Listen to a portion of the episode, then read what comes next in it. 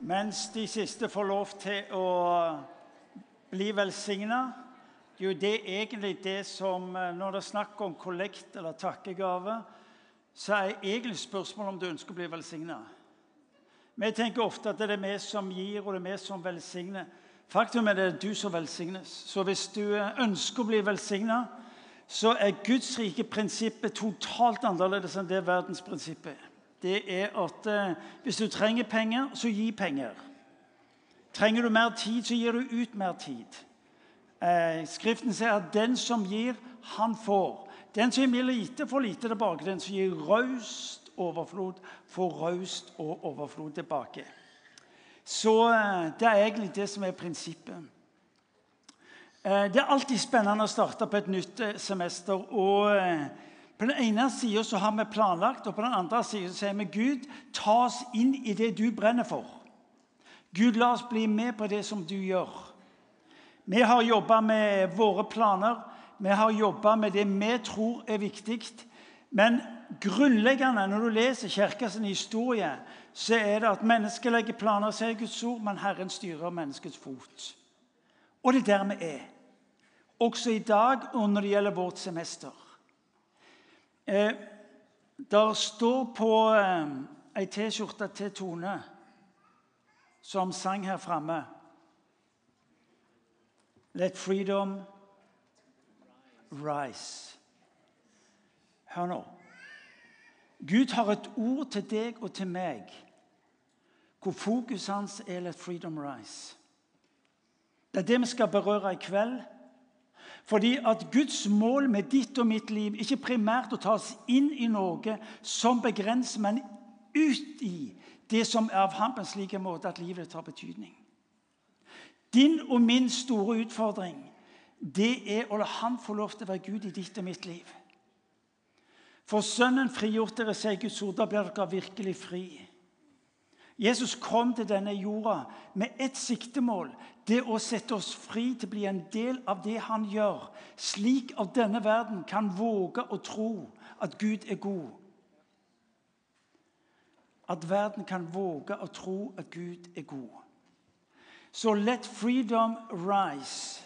Eh, vi skal tas inn i en dimensjon som jeg berørte så vidt for tre uker siden, før jeg eh, reiste til Asia, hvor fokuset var Daniel og hans betydning inn i en hedensk kultur. Vi skal fortsette med litt i, i dag. Fordi at jeg tror, kanskje mer enn noen gang før, trenger Kirka å bli bevisst på det Gud har lagt ned i kirka som utgangspunkt for å forvandle mennesker og samfunn. Når du og meg ser mennesker og miljøer omkring oss, så begynner vi å definere i henhold til referanser. Vi definerer og sier vel han, han er imot. Han er vanskelig å nå med evangeliet. Og så forteller vi at i dette samfunnet og i denne kulturen så sier vi, ja nei, her er det så mye hetenskap. De vil ikke ha noe med Gud å gjøre. Og så definerer vi ut ifra referanser vi har på mennesker og samfunn. Det du skal få lov til å bli tatt med inn i kveld, det er å være en del av Guds måte å tenke på. Fordi at Det Jesus gjør med disiplene gjennom tre år, er ikke primært å gi dem nye ord og nye religiøse systemer. Men det han gjør, han tar dem inn i Guds nærvær og hjelper dem til å se og tenke som han ser og tenker. Jesus sier om seg sjøl i Johannes evangeliet at menneskesønnen gjør ikke noe annet enn det han ser at Faderen gjør. Jesus sier, 'Det jeg ser Faderen gjør, det gjør jeg'. Og skal du og meg som enkeltmennesker og som kirke ha relevans inn i vår tid Hør nå så må vi ta inn og begynne å tenke som Bibelen hjelper oss til å tenke. Jesus deler med, med, med eh, disiplene om hva som ligger foran dem, og, og Peter han eh, tar tak og forteller Jesus at hør nå, nå, nå må vi skjerpe oss. Eh, du kan ikke dra opp til Jerusalem. Der tar de deg, og så eh, tar de livet av deg. Og så begynner han å ordne opp i det som skal være den rette strategien. Og så sier plutselig Jesus til ham, hold munn. Han sier ikke det, han sier 'hold kjeft'. Siden vi er i kirka, så skal vi være anstendige. Hold kjeft, sier han. Fordi du tenker på menneskelig vis. Du tenker på menneskelig vis. Din og min store utfordring er å tenke som Gud tenker. For denne verden er lite interessert i hvordan du tenker. For å sette det på spissen. Den er lite interessert i dine tanker. Men det er et sug i mennesket å få tak i hva sier Gud. Jeg tror ikke på noen Gud, men jeg vil gjerne høre hva han sier. Bibelen sier videre at eh, det er et, det er et rop i mennesket som hjorten lengter etter vann, lengter jeg etter deg. Mennesket er skapt i Guds bilde. Mennesket er skapt i relasjon med Gud. Mennesket kan mene hva det vil, uansett hva slags type standpunkt det måtte ha. Så er det et ur rop der inne etter å finne tilbake, etter å komme hjem. Så denne høsten skal få lov til å ta oss inn i en måte både å tenke og handle og leve på som jeg opplever skal ha betydning for våre liv som kirke, men også for deg som menneske og menneskene rundt oss. Nytt semester. For mange er det nye ark. Oppstart, realisering av drømmer, planer igangsetting av prosjekter. Og jeg har vært der ganske mange år. Enten du vet eller ei, som er ny her altså, Dette er altså den 37. gangen jeg starter opp i denne menigheten en høst. 37 år. Hvor mange Ja.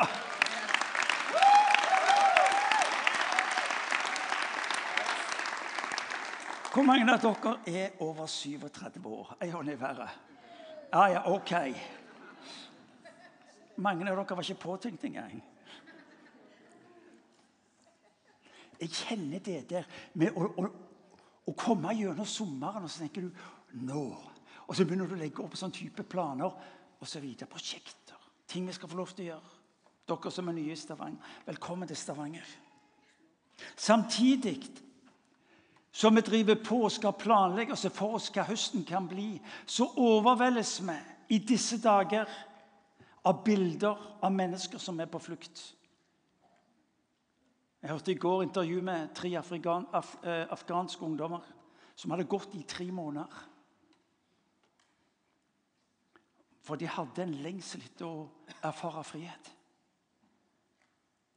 Vi ser i dag en bevegelse, en forflytning av mennesker, som er helt ny i moderne historie. Og jeg kan fortelle deg det, at Når trøkket der nede blir stort nok, så hjelper det ikke med verken piggtråd eller betongmurer.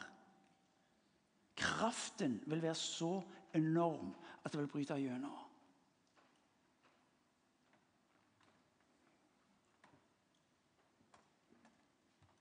Europa er i spill, om du vil, på mange måter. Og vi er på veien i store forandringer. Hva skal Kirka være i den tida? Hva slags type røst skal Kirka ha inn i denne tida? Det er det store bildet. Det er det groteske av lastebiler som, som stoppes, og så, og så, er det døde mennesker i. Men det nære bildet er plutselig uroen. Arbeidsledigheten i Rogaland har steget med 65% Prisene på boliger går ned. Husleieprisen er 35 lavere i dag enn hva det var i fjor. Folk kjenner på et annet type trøkk. Arbeidsledigheten, usikker fremtid. Må vi flytte ut av huset? Hva ligger foran oss? Levestandarden trues av de mange som skal ha en bit av kaka. Og inn i det tas du og meg som kristne inn i historien og Guds historie på en spesiell måte. Guds historie, en større historie. Hvor din historie lykkes når du blir en del av hans historie. Et av de sterke bildene som har hatt det, det, det siste året, er det som står i 2. Mosebok, kapittel 3 eh, og 4. Herren sa, 'Jeg har sett mitt folks nød i Egypt' og har hørt skrikene deres under slavedriverne. Jeg kjenner deres smerte. Jeg har steget ned for å fri dem ut. Det er høye skrik, det er tause skrik. Men Guds ord forteller om en Gud som har steget ned. Som har sagt 'nok er nok'. Jeg ønsker å gjøre noe inn i denne verden. Jeg har hørt deres høye skrik. Jeg ønsker å føre dem ut og inn i det landet som flyter av melk og honning. For skriket har nådd meg. Vi lever i en verden hvor det er skrik, hvor det er rop etter et alternativ, etter noe som er annerledes. Og som han steg inn i denne verden, tas du og meg som Jesus' etterfølgere inn i den samme verden. Utover din lille verden, inn i hans store. Og hva Jesus sier om seg sjøl, gjelder også deg. Hør nå. Du kan ikke elske Jesus Kristus om du ikke også elsker den han elsker. Hvis ikke ble det bare sprøyt. Religiøs var det. Du kan ikke elske Jesus Kristus om du ikke også elsker den og det han elsker. Livet ditt blir på et vis sånn Målepunktet blir hva er det du gjør, Jesus? Er det riktig? Eller det er et meningsløst spørsmål. Hva, hva er det du elsker, Jesus?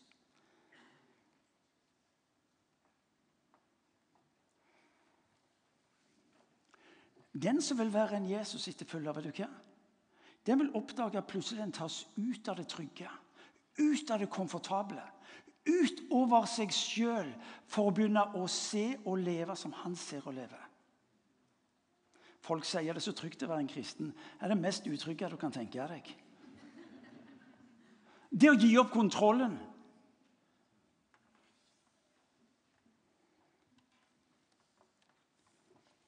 Jesus sier noe om å ta sitt kors opp og følge han. Du er skapt med en hensikt.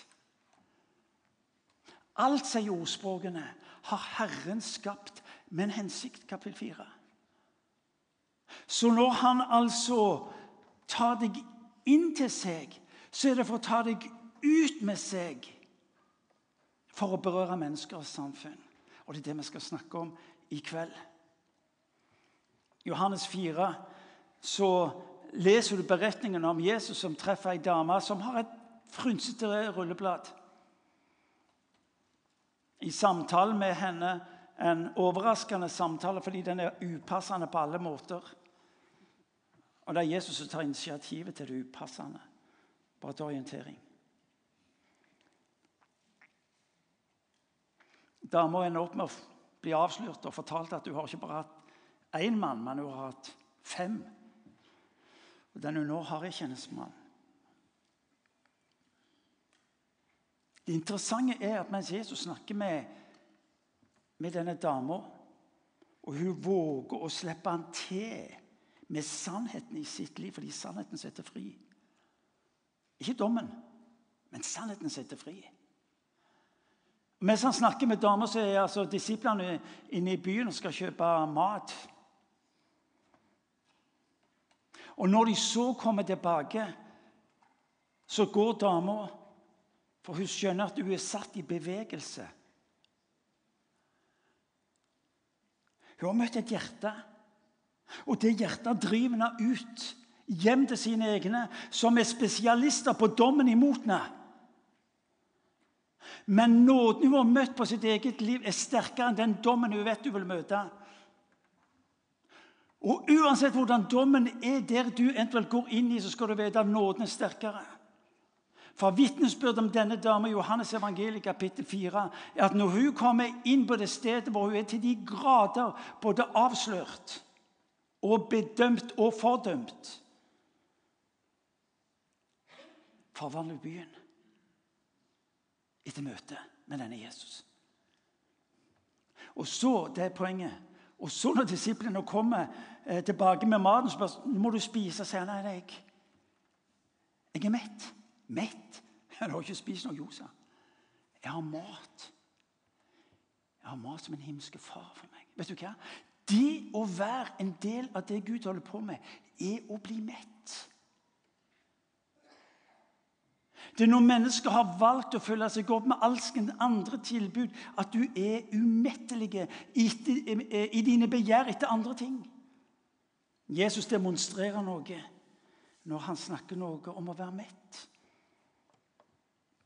Så er altså Bibelen gitt oss for opplæring og forvandling.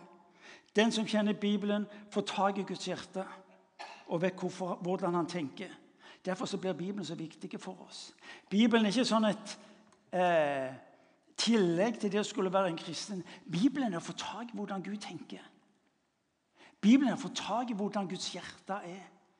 Bibelen er å få tak i å ja, det, det er sånn han er. Og våge å være lenge nok til at jeg får lov til å berøre mitt hjerte og min måte å tenke på. Det er så lett for deg og meg å begynne å spinne på egne fantasier. Skape egne bilder av Gud. Bli i mitt ord, sier Jesus, og du vil se hvem jeg er. Bibelen har ett hovedbudskap, folkens. Gud elsker. Og hans kall til deg å elske det og den han elsker. En gang til, var det godt sagt. Bibelen har ett hovedbudskap. Gud elsker. Det neste budskapet er Han kaller deg til å elske den og det han elsker. Ofte er mennesker forvirra på Guds ledelse og plan for livet. Egentlig så gjør vi det komplisert. Her skal du få et godt tips. Ta imot Hans kjærlighet til deg, og elsk de han elsker, så er du i gang. Vi spør om retning på livet og alt det der han sier. Retningen og vandringen for livet den starter med ett skritt. den. Det første. Lær meg å telle mine dager, sier salmisten. Det betyr lær meg å telle én. Én dag. Ett skritt. Og når du lærer å elske som han elsker, så er du i gang. Så vil du oppdage at den veien du tas inn på, i henhold til dine gaver, din utrustning, dine drømmer og lengsler, vil ta deg inn i det som er av Han. Du er her med en hensikt. Du er her med en hensikt. Du er på jorda for én grunn. Du er ikke tilfeldig. Og hør nå når du og vi får lov til å vandre sammen med Han, får våre liv bety en forskjell. Leif Hetland har sagt Who he is, is what we become. And what we become, is what we release. Altså Bibelens hovedintensjon det å gjøre deg lik Kristus. Gjør deg hvem han, lik hvem han er. Og når du og meg blir lik han, så vil vi oppdage at vi forløser et liv rundt oss og blant oss. Du er med en hensikt. Vår inngang i denne verden er forskjellig. Men Herren har en hensikt med at du er her nå. Så vær forberedt. Hanne Therese eh, vår yngste datter eh, gikk på en bibelskole i USA. Sender meg en tekst en dag og så sier pappa jeg tror jeg kan forandre verden.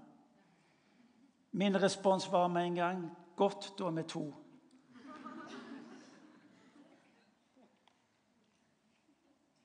I dag skal du og meg stoppe opp for to tekster. Skal vi ta oss inn i en måte å tenke på som jeg tror skal gi oss mot på å være nettopp disse eh, forandringsagentene, om du vil. Som ikke ser problemet, men som ser løsningen. Som ikke gir opp fordi det syntes å være så overveldende, det som måtte være foran oss av problemer. Vi skal stå på for to tekster som gir oss del i Guds overnaturlige inngripen. Hvor vi henter fra det usynlige og inn i det synlige. Hvor vi henter, som Jesus gjorde, fra det usynlige og inn i det synlige, inn i den verden som folk kunne forstå, forholde seg til og bli en del av. Mitt mål er at du skal bli en gudsrike tenker. Hvor du løfter blikket vekk fra deg sjøl. Hvor regnestykket på hva du har og hva du vil være i stand til, byttes ut med at alt makter er Han som gjør meg sterk. Hvor vi løfter blikket fra oss sjøl og det vi får til med litt ekstra innsats, til avhengighet av Han. Nå sier ikke jeg at det andre vi gjør på et, på et mellommenneskelig plan, er unyttig. Det sier jeg ikke. Det vil være umulig for meg å si. Og, skulle ikke, og ikke skulle vektlegge hva godhet, raushet og anerkjennelse betyr. Men hvis vi bare lever der, så fratar vi mennesker et møte med en Gud som er annerledes denne verden. Og Når Johannes var i tvil Du leser om det i Markus evangelium. Når Johannes var i tvil om hvem Jesus var, så sier Jesus til ham, gå og fortell. Han sa dette til disiplene til Johannes. Gå og fortell hva dere ser. Denne verden har hørt våre ord. Den har erfart mye av våre gode gjerninger. Men Bibelen tar oss også ned i en dimensjon hvor det overnaturlige skal få lov til å være normalen for oss som kristne. Så vi skal gå altså til to tekster i Gamletestamentet. Det er Esekiel. Det er to tekster. Det er kapittel 37, og det er kapittel 47. Vi leser sammen ifra kapittel 37. Vi har godt av å lese Guds ord og la det få lov til å gjøre noe med oss. Du som ikke har med deg Bibelen, ta med deg Bibelen neste gang hvis du ikke kan den utenat. Eh, jeg er klar over at noen av dere har iPhone og iPad og alt det der. Men eh, ikke gå glipp av det, eller glem det. Profeten skriver i kapittel 37 på side 977 i Gamle testamentet. Herrens ånd, hånd kom over meg. Ved Herrens ånd førte han meg ut og satte meg ned i en dal som var full av knokler. Han førte meg omkring blant dem. Se, det lå en stor mengde knokler utover dalen, og de var helt tørre. Da sa han til meg, 'Menneske, kan disse knoklene bli levende igjen?' Jeg svarte, 'Min Herre og Gud, det vet bare du.' Han sa, 'Tal profetord over disse knoklene og si til dem:" 'Tørre knokler, hør Herrens ord.' Så sier Herren Gud til disse knoklene.: Se, jeg lar det komme ånd i dere, så dere blir levende. Jeg fester sener på dere og legger på kjøtt, trekker hudet over og gir dere åndedress, så dere blir levende. Da skal dere kjenne at jeg er Herren. Jeg talte profetord, slik jeg hadde fått påbud om. Se, jeg profeterte, og det begynte å buldre og skjelve. Klokkene la seg inn mot hverandre, knokkel mot knokkel. Jeg så og se. Det kom stener og kjøtt på dem, og hud ble trykket over. Men ånd manglet de. Da sa han til meg Tal profetord til ånden. Mennesketall profetisk og si til ånden. Så sier Herren Gud, kom, ånd, fra de fire vindretninger, og blås på disse drepte, så de blir levende. Jeg talte profetord slik han hadde befalt meg. Da kom det ånd i dem, så de ble levende. De reiste seg opp og sto på føttene, og det var en umåtelig stor hær. Denne teksten tar oss inn i å tenke og handle som Gud tenker, ser og handler. For en forskjell. Hva var det profeten så? Profeten så døde bein. Hva var det Gud så? Jo, han så en oppreist hær. En umåtelig stor hær. Det interessante er eh, Gud spør profeten kan disse leve. Og du må tenke, Det er jo et retorisk spørsmål, for det er klart han vet jo at de kan ikke leve. Det som er dødt, er dødt. Så til og med at det er tørt. Men eh, profeten har vært lenge på, i kirka bedehus, så han sier det vet jo bare du. I møte med det som man ikke kan forklare eller få tak på, så blir svaret ja, men det vet bare du. Det har du oversikten på. Han garderer seg. Jeg tror Gud ofte stiller oss det samme spørsmålet på våre ulike opplevelser. Og vi trekker oss unna med å si ja, men det, det, vet bare du. Ja, din vilje skjer. Og som på de som har foretatt en type gardering, og så, og så sier vi ikke nei eller ulydig, men vi, det vet bare du.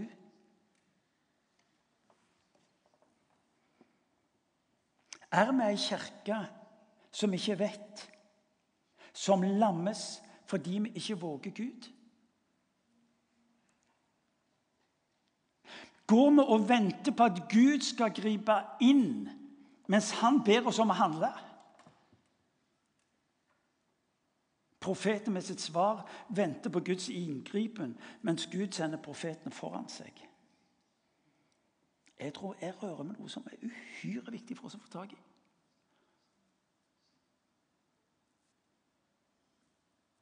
Det, det, er feil sagt, men det er likevel poengene. Det er mulig at vi skal i enkelte situasjoner ikke be, men handle.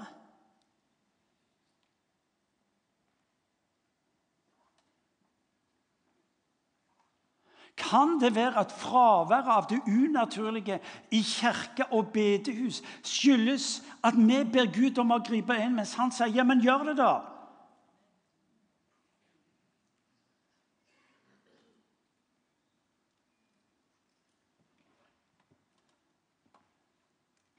Kan det være at kirkas tilbakegang er den vestlige verden, mens den eksploderer i den tredje verden? skyldes at vi er opptatt med å gi folk informasjon om Guds rike. Mens det den lengter etter, det er å erfare Guds rike. Klart jeg tror det.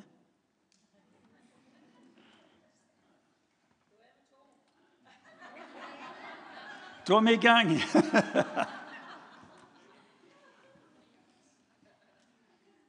Vi rører ved noe vi ikke kontrollerer.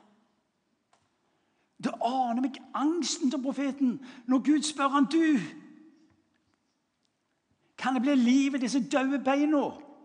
Og det aner meg Han kjente det oppover ryggraden tenkte nå kommer det et spørsmål til. For Han hadde vært lenge nok sammen med vår Herre til å skjønne at eh, han stiller ikke, han stiller ikke åpenbare spørsmål uten at han pusher meg inn i det.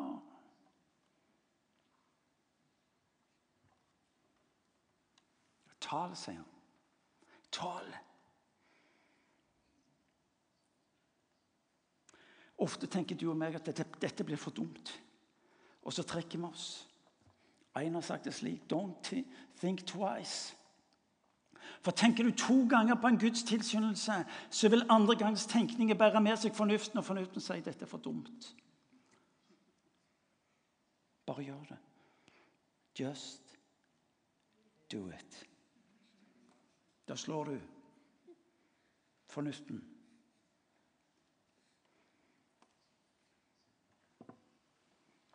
Og så er det interessante at denne teksten vi nettopp har lest, den tar altså profeten steg for steg. Gud, Gud er tålmodig med oss, han. bare vi vil komme i gang. Folk sier ja, men jeg kan ikke noe, blir ikke farlig, det, sier Herren. Altså, bare begynn, du. Ja, men det var så mye skulle ha kunnet. Ja, det er det sikkert, men bare ett steg om gangen. Og så leser du i teksten hvor profeten sier Hva skal jeg si for noe? Tal. Ok. Men hva skal jeg si? Og så får han beskjed om Du får lov til å starte der. Fordi du grunnleggende vet at han som ber deg om å tale og handle, han elsker deg så høyt at han ønsker ikke at du skal drite deg ut. Og så elsker han de menneskene som trenger dine ord og dine gjerninger så mye at han kan ikke la være å bruke deg.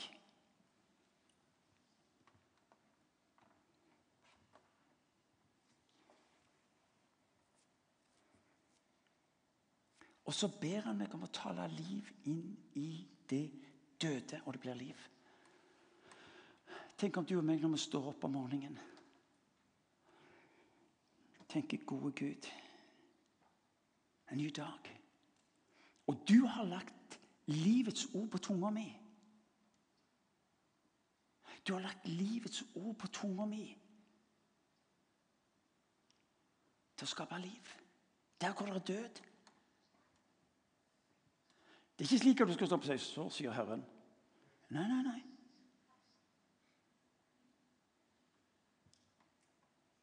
Men du taler liv.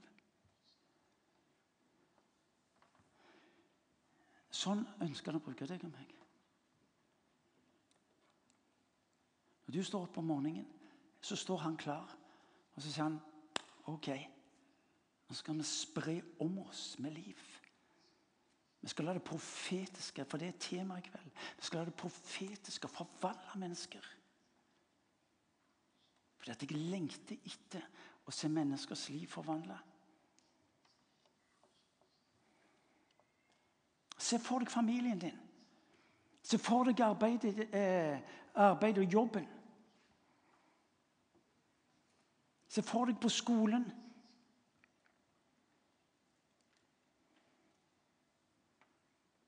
Tal profetiske ord, du skaper liv. Du vil oppdage det profetiske slår inn på ulike måter. På den ene siden er vi som kirke et profetisk folk. Fordi vi representerer en annen verden. Vi representerer budskap om en annen verden. Kirka er et profetisk folk. Det mest tragiske det er når Kirka velger å bli så konforme omstendighetene. Folk ser ikke Kirka lenger. Den skiller seg ikke ut. Den er ikke relevant lenger. Kirka er kalt til å være en motkultur. Kirka er kalt til å være bilde av en annen verden ved de menneskene som er en del av denne kirka. Den ene utgaven. Den andre, Når Paulus snakker om det i Korinterbrev kapittel 14, første brev til Korinteren kapittel 14, så snakker han om, om det profetiske som oppmuntring, trøst og formaning. Du og jeg bærer ord av liv, liv, ord av trøst, ord av oppmuntring. Ord av tilskyndelse. Alle dere som er her inne som tror på Jesus Kristus, vet du hva? dere bærer med dere en kilde av det profetiske. Kan du snakke norsk eller et annet språk?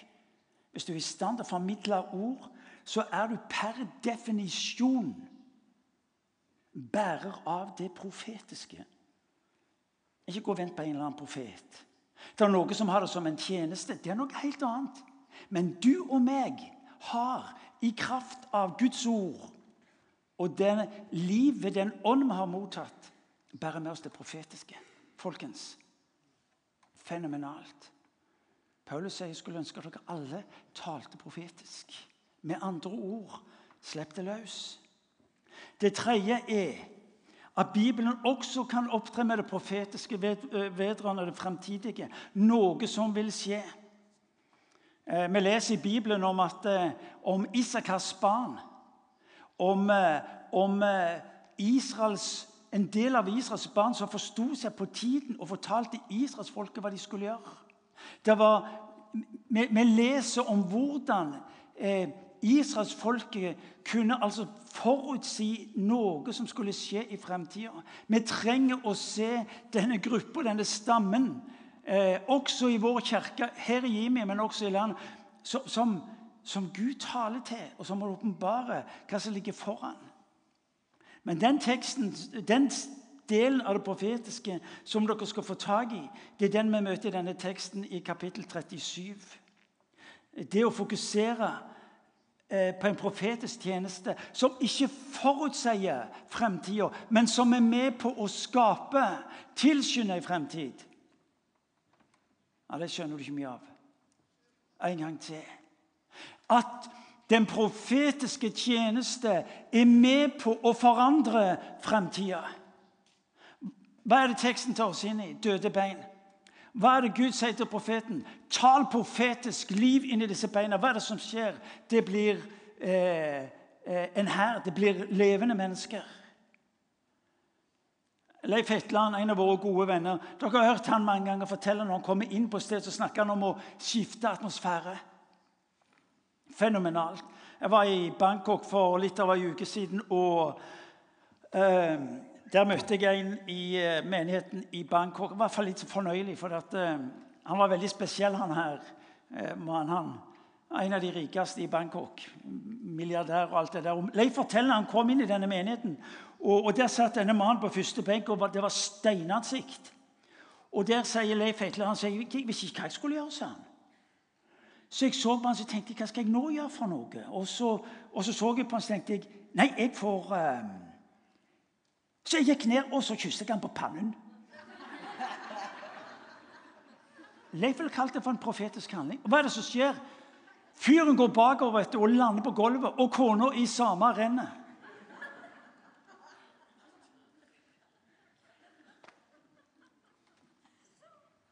Atmosfæren i rommet er forandra. Jeg møtte Vanskjei for litt over en uke siden. Han sa det forandra livet mitt. Det forandra livet mitt. Hva er det vi lærer av denne teksten? Det at du har i, ved det Gud har gitt deg, den kraft som kan forandre omgivelsene, samfunnet. Ofte så ble Kirka mer et termometer enn en termostat. Vi ble eksperter på å kartlegge hva som var gale, og hva som skulle vært annerledes, og hva som kunne vært bedre. Vi er eksperter på alt som skulle vært annerledes. Ja. Derfor isolerte vi oss, for at vi ikke skulle bli smitta av det der. Mens det vi er kalt til å være, er jo termostaten, som kommer inn og som gjør noe med omstendighetene, som gjør noe med temperaturen, som forandrer atmosfæren. Er dere med meg? Gir det mening? Skjønner du at du er en del av et rike som er designa for å forandre? Én Jeg skal ikke si det, men Jan, jeg skal ikke si noe. Men vi er kalt til å være termostaten. Vi er kalt til å være den røst og det liv som forandrer. Og så kan du og meg se på hverandre så kan vi begynne med disse her forbanna regnestykkene. For det er en forbannelse. Fordi må operere med regnestykker som tar utgangspunkt i hvem du og meg er, istedenfor å ta utgangspunkt i hvem han er. Utrolig hva denne lille termostaten Du vet hva en termostat er? Ja, men jeg aner meg at De fleste menn gjør det, noen damer også. Du vet hva en termostat er? Ja, jeg er klar over at det var litt sånn sjåvinistisk sagt, men her er det så mye tilgivelse at det går bra. Men du, hør nå. Har du sett den lille termostatboksen som henger på veggen? Den lille termostatboksen Du mener vel ikke på på alvor, Martin, at fordi om jeg endrer litt på den, så blir det varmere i rommet. Er dere med i bildet? Du og meg er sånn ja, Vi er sånne små termostater vet du, som henger på veggen. Det er ikke så mye med oss. Nei, det er ikke det. Ja. Og så sier Gud bare juster opp. Når du justerer opp, så er du kobla til anlegget på en slik en måte at alle i rommet merker det skjer en forandring. Noen av dere ser helt forvirra ut. I min kirke så omtales jeg enten som termometer eller som termostat.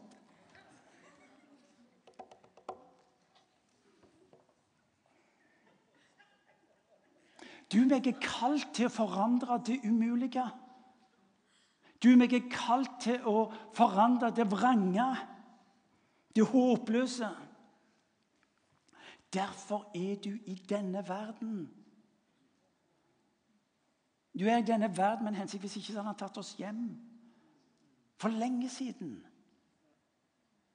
Men du er i denne verden med en hensikt, nemlig å forandre denne verden. Du er en gudsrike tenker. Hente fra det usynlige inn i det synlige.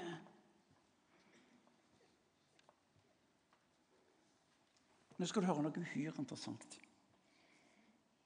Forskning viser at dersom 10% av en gruppe eller et miljø eller av et samfunn har samme visjon, samme verdi og strategi, så vil de forandre omgivelsene.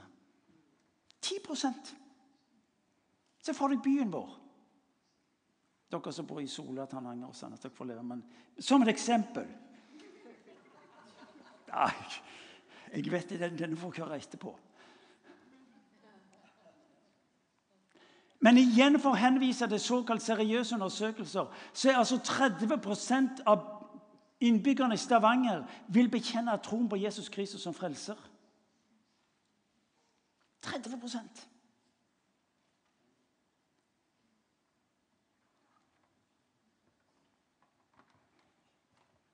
Tenk hva denne flokken kan få lov til å bety hvis vi vil våge å være sammen med en bevissthet om at som Guds rike tenkere, som Jesus' etterfølgere, med en visjon, med verdier, så kan vi forandre denne verden, denne byen, til å bli et sted hvor folk ikke lenger er redd Gud, for de skjønner han er god.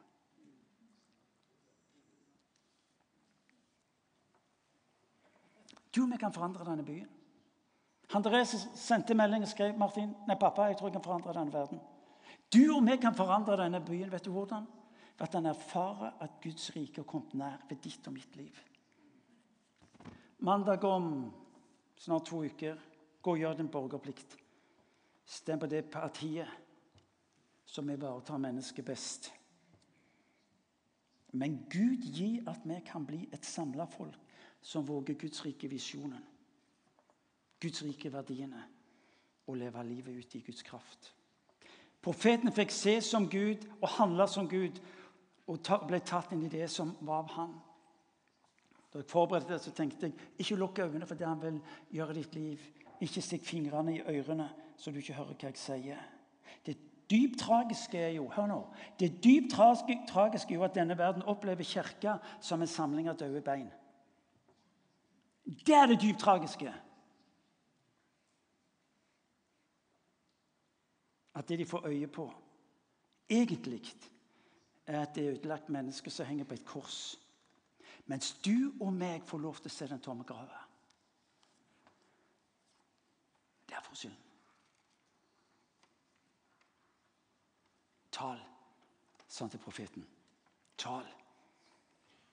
Å leve som Jesus i denne verden. Så Johannes sier i 1. Johannes brev kapittel 3 som han er i denne verden, er vi i denne verden. Jesus sier, 'Bli meg, så blir jeg i dere'. Du er bærer av en gudsrike kultur. Guds bekjennelse på ditt liv og mitt liv er 'Du er min sønn, og du er min datter'. Se, tale, forandre. Når du kommer og møter mennesker og situasjoner i uka som kommer, så vil jeg at du skal se at dette kan jeg forandre. Gud lengter etter at disse menneskene skal erfare at Gud er god. Så skal vi ta med oss siste delen i kapittel 47.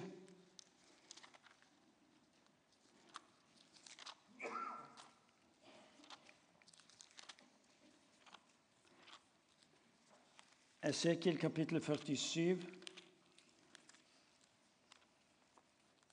Det er på side 990.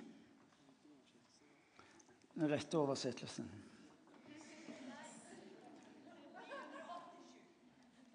«987 andre forslag. Jeg tror vi holder oss til kapittelet, så slipper vi å forvirre. Det er igjen profeten som ledes av Guds ånd. Og vi leser han førte meg tilbake til tempelinngangen, og se, vann strømmet ut under terskelen på østsiden av tempelet. For tempelfasaden vender mot øst. Vannet rant ned på høyre side av tempelet, sør for alteret. Han førte meg ut gjennom nordporten, og der ute fulgte han meg rundt til den ytre porten som vender mot øst. Og se, vannet sildret fram på høyre side. Altså På høyre side av tempelet ser han at vann sildrer fram. Eh, mannen gikk østover med en målesnor i hånden. Geografien er ikke viktig her. Han målte opp 1000 alen. Så lot han meg gå gjennom vannet. Det nådde meg til anklene. Han målte opp 1000 til og lot meg gå gjennom vannet. Det nådde meg til knærne. Så målte han opp ytterligere 1000 og lot meg gå gjennom vannet. Det nådde meg til hoftene. Igjen målte han opp tusen alen. Nå var det en elv som, ikke, som, jeg ikke kunne vade over, for vannet hadde steget til en elv der man måtte svømme. Den lot seg ikke vade. Han sa til meg, 'Ser du mennesket?' Så førte han meg tilbake til elvebredden, og se, da jeg kom tilbake, var det en mengde trær langs elven på begge sider. Han sa til meg, 'Dette vannet renner eh, til områdene i øst og ned på Arabasletten.' Når det renner ut i sjøen, blir vannet der friskt. Alle levende vesener som det kryr av overalt hvor denne elven renner, skal få leve. Der skal det bli mengder av fisk, for hvor dette vannet kommer, blir alt friskt og levende, alt som er der elven renner. Og så hopper vi litt. Eh, på hver side av elven skal det vokse alle slags trær til å spise av. Løvet på dem skal det ikke visne, og frukten skal ikke ta slutt. Hver måned skal de bære ny frukt, for vannet de får, kommer fra helligdommen. Frukten skal tjene til føde, og bladene skal bringe helse. Du kan kontrollere omfanget av ditt livs betydning ved å vasse der han har bedt deg om å flyte på det han gjør.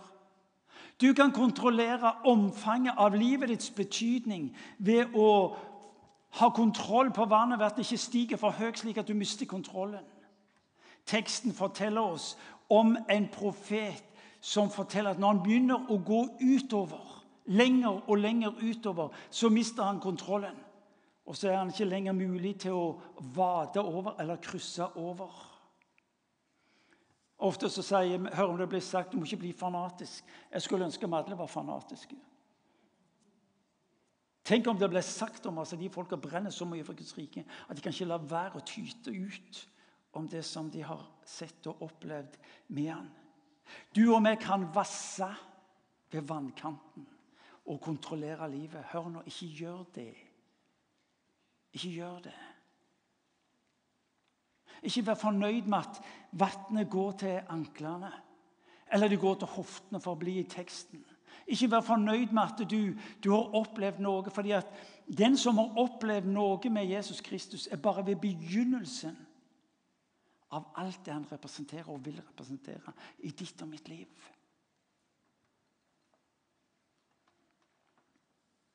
Du kan enten kontrollere det som har med Jesus å gjøre, eller du kan bli kontrollert. Velger du å la han ha kontrollen i ditt liv, så skal jeg fortelle deg at eh, livet vil innebære mange forskjellige ting. Men det han ber deg, og det denne teksten tar oss inn i, det er for å holde oss til vannets premisser. Til vannets forutsetninger. Til å bli båret av, til å gi opp kontrollen. Han har kalt deg til å leve et liv hvor hans vann blir muligheten i de menneskene som du møter. For noen nydelige bilder eh, som denne teksten gir oss. Der hvor dette vannet renner ut, blir vannet friskt. Der du kommer fram, der du går fram, vil vannet fra ditt liv gjøre at omgivelsene blir friske. Der det negative miljøet, der det sure og ødeleggende miljøet, der du går fram, der vil vannet i ditt liv Og du sier men dette var jo en elv, Martin. Dette, det er jo ikke mitt liv. Og så lyder det fra Jesus i Johannes evangeliet, kapittel 7, eh, vers 37, at den som er tørst, kommer til meg, og fra hans liv skal det renne hva? står ikke sildra. står ikke bekk. Skal det renne elver av levende vann. Vet Du hva? Du som er her inne, som er en Jesus-etterfølger, som tror på Jesus Kristus, vet du hva han sier om deg? I deg er det en kilde som er som ei elv. Men det interessante er folkens, at når det livet på et vis skal leves her så får vi ikke øye på det. Men jo lenger ut og jo lenger vekk fra tempelet du kom, så så du dybden, omfanget og betydningen som dette vannet hadde. Du og meg er kalt til å leve denne verden med en hensikt. Du og meg er kalt til å bety en forskjell. Det interessante er at jo lenger bort fra tempelet du kommer, jo sterkere er konsekvensene. Det er interessant at Når vi er ute og ber for folk som er syke på gata, så ser vi større inngripen i folks liv enn vi gjør her i huset. Det er uhyre interessant at Når jeg er i Asia og ber for folk som er syke, så ser vi et mye større nedslag av Guds rike eh, de, blant de menneskene. Kirkas historie, spesielt Kirkas første historie, en historie om hvordan den vokste fra ubetydelige noen titusener. Og I løpet av 300 år vokste det 28 millioner. Og nøkkelen, forteller historikerne, var vitnesbyrd om helbredelsene og utdrivelsen av de onde ånder. Når pinsevekkelsen fødes i 1906 i Asusa Street, sært, spesielt, så går det 100 år. Og I løpet av de 100 årene vokser denne vekkelsen fra noen få til over 700 millioner mennesker. Og den kjennetegnes av under, tegn og mirakler. Du er kalt til å bety en hensikt i denne verden. Og Hvis du leser Bibelen og sier Gud, du må gjøre noe, så vil jeg ta en feil. Du har det. Det er du som er meg på din arbeidsplass. Det er du som er meg i din familie. Det er du som er meg på skolen.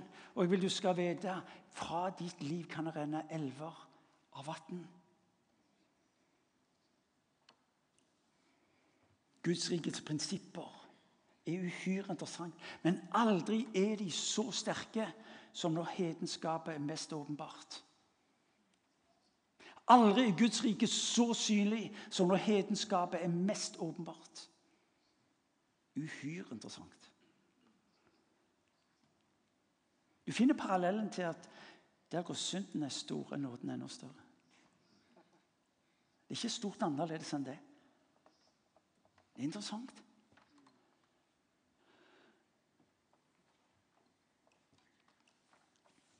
Frisk vann. Frisk vann. Holder du det for deg sjøl, så blir det med det. Mens verden roper etter håpet, fremtiden, helbredelsen og overfloden. Det er interessant, Bibelen ber deg ikke om å være sterk troende eller å være religiøs fanatiker. Han ber deg om én ting. Sørg for at vannet får renne fritt fra livet ditt. Du har det. Av til sier Gud du må velsigne meg til Du har det. Bare begynn å gi det. For når du og meg begynner å gi det ut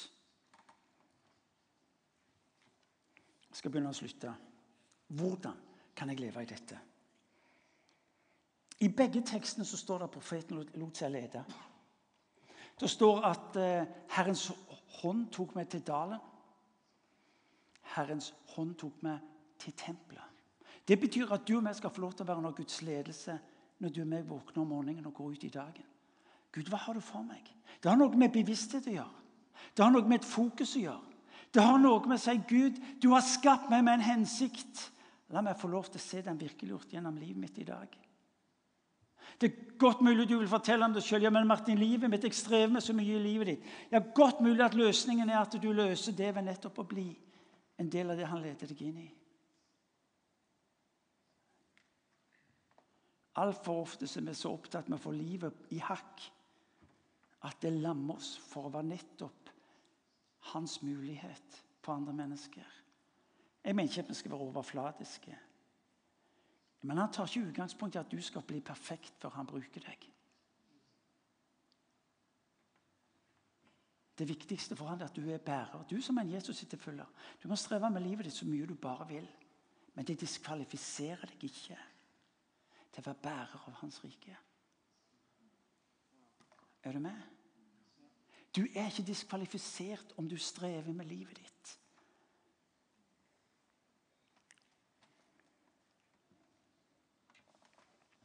Profeten lot seg lede. Han lot seg lede til dalen. To. Profeten fikk hjelp til å se. Gud sa til han, 'Se'.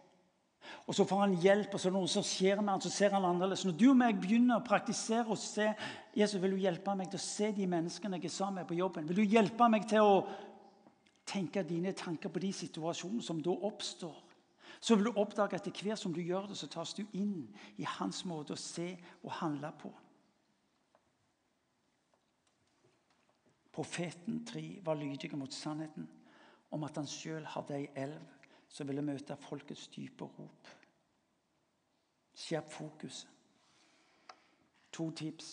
Om ei uke får vi besøk Skåpen i himmelhelg. Det er en glimrende plass til å få hjelp til å skjerpe skjerpe hørselen så jeg kan få tak i Guds ledelse. Få hjelp til å se og handle annerledes.